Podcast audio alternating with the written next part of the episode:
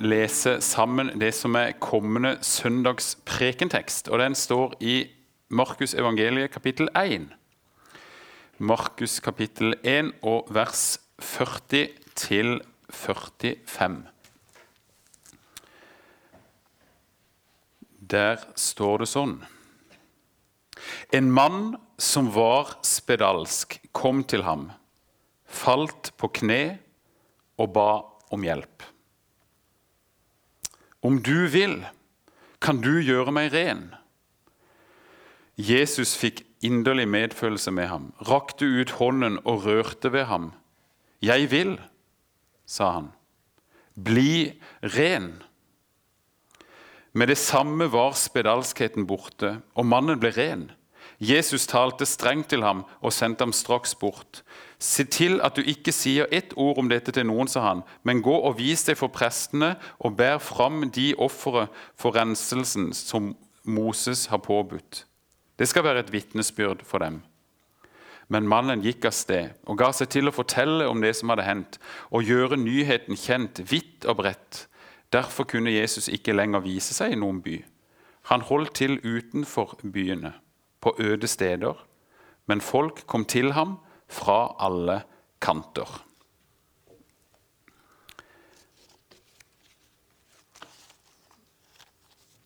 Jeg antar at de fleste av oss fra tid til annen kan kjenne på utenforskap. Vi kan kjenne på ensomhet og, og den der følelsen av liksom ikke høre helt til. Det er ikke noen god følelse. Og vi tror nok lett at det bare er oss det gjelder.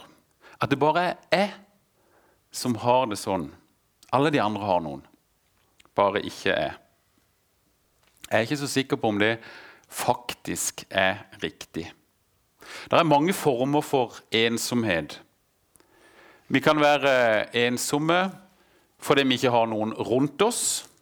Vi er rett og slett alene. Så det er en form for ensomhet. Men vi kan òg kjenne på ensomhet sjøl om vi er omgitt av venner. Det kan være at vi f.eks. har ting i livet vårt som vi går og bærer på for oss sjøl. Ting som vi ikke orker å snakke med noen om. Ting vi sliter med. Ting som gjør vondt.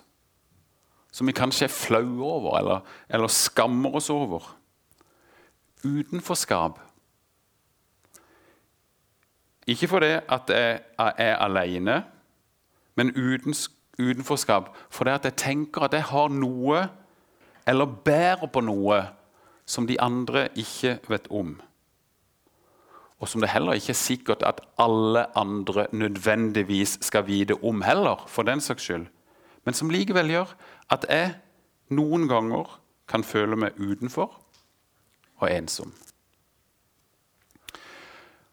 Spedalske på Jesu tid eh, de hadde ikke bare en alvorlig sykdom, men de var mennesker som per definisjon var utenfor. De ble sett på som ureine. Folk ville ikke ha noen ting med dem å gjøre. Ingen ville spise sammen med dem. Ingen inviterte dem hjem på besøk. Det var ingen som ville eh, ta på dem, og iallfall ikke gi dem en klem. De, de var ureine. Og de måtte varsle med bjeller og rop når de skulle bevege seg ute blant andre folk. Uren, uren, ropte de om seg sjøl når de var ute i gatene. Tenk hvor nedverdigende det må ha vært. Sette det merkelappen òg på seg sjøl. Uren. Ute blant folk var det ikke nødvendigvis så veldig ofte, for de fikk ikke lov til å bo inne i byen men måtte holde seg utenfor, borte, sammen med andre som lei av samme sykdom. Urenheten kunne nemlig overføres til andre dersom en kom borti de, eller dersom noen kom borti i det så kunne de bli ureine. Så det var liksom frykt på begge sider. De friske var redde for at de, ureine, eh, at de skulle bli ureine ved å være nær de som var spedalske. Og de spedalske ja, de ville jo selvfølgelig ikke noen, gjøre noen andre ureine ved å komme nær dem. Men det var ikke bare på det mellommenneskelige plan at de ble betrakta som ureine. De kunne heller ikke gå til gudshusene og feire gudstjeneste sammen med andre. De var utestengt ifra fellesskapet. Tenk det. Sykdommen gjorde at de ble betrakta som ureine òg i den sammenhengen. Det må ha vært enda verre, tenker jeg. Vi kan bare tenke oss hvordan denne her mannen har hatt det, som kommer til Jesus denne dagen og faller ned på kne for Jesus. Hva han bærer med seg av forferdelige opplevelser fra tidligere i livet. Kanskje var han familiefar som måtte forlate kone og barn da han oppdaga at han hadde fått sykdommen. Tenk å vite med deg sjøl at du aldri mer skal få komme nær den du er glad i. Noen gang. Aldri mer skal barna dine komme og sette seg opp på fanget ditt. Eller gi deg en bamseklem fordi du er urein.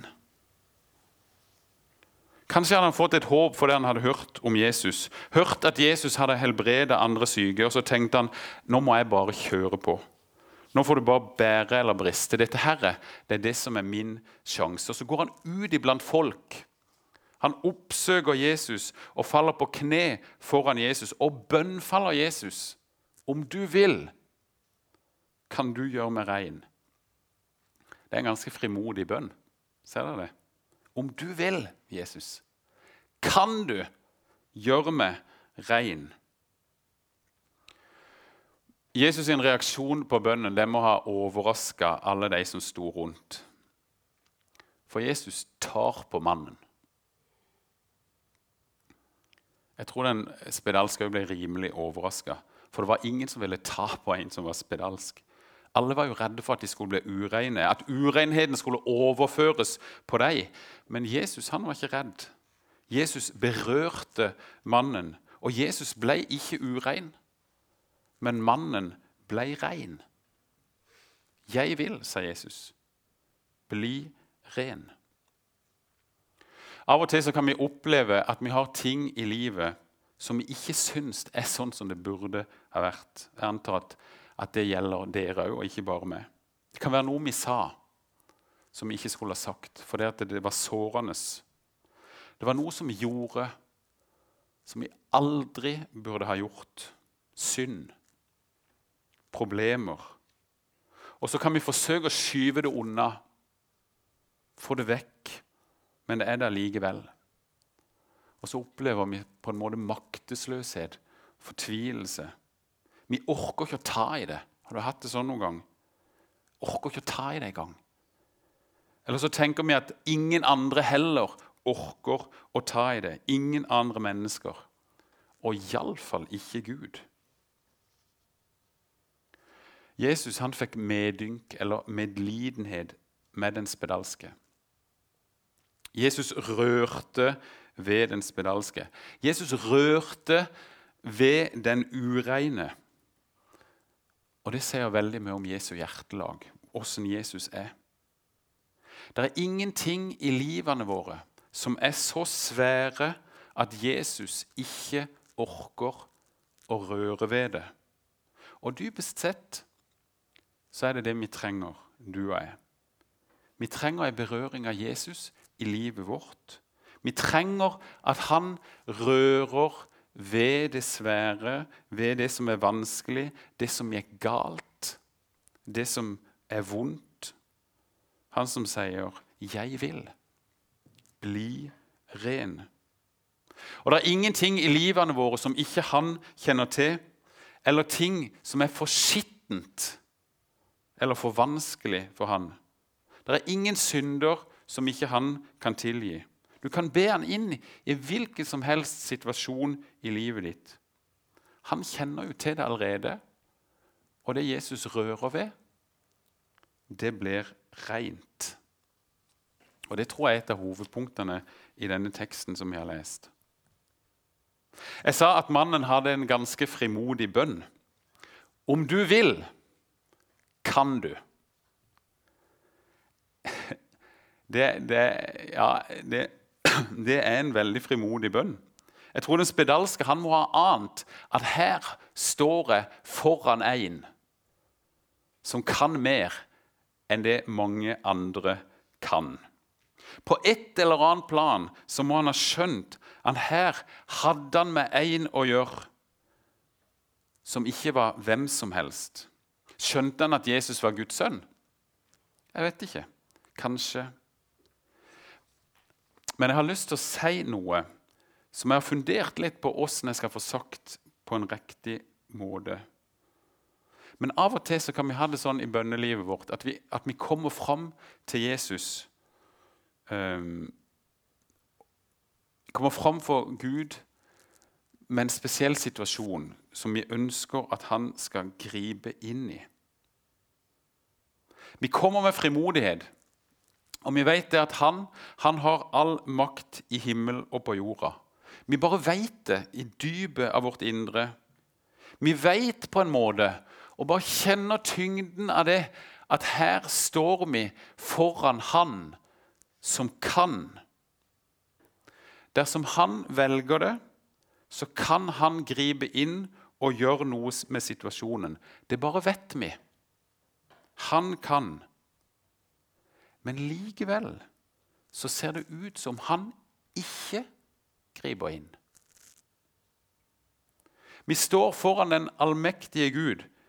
Kanskje til og med roper vi til han i vår fortvilelse.